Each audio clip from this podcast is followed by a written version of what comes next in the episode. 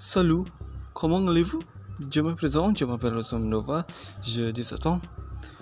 Le mot que j'adore en français est le. Pourquoi? C'est très philosophique. C'est parce que peut éteindre le feu, celui-ci le problème.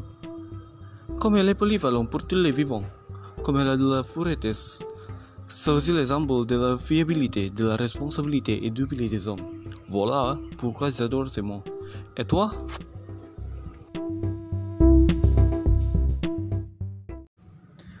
Salut, comment allez-vous? Je me présente, je m'appelle Sumendrova, j'ai 17 ans.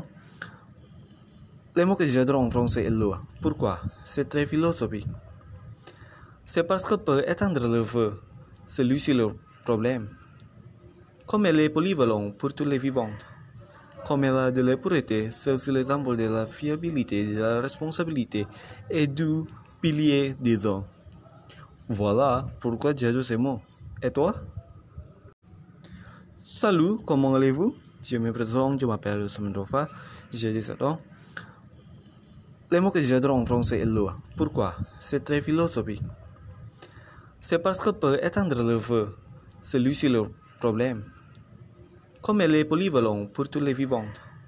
Comme elle a de la pureté, c'est aussi l'exemple de la fiabilité, de la responsabilité et du pilier des hommes.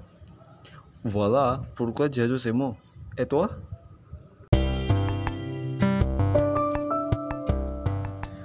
Salut, comment allez-vous? Je me présente, je m'appelle Sumendrova, j'ai 17 ans.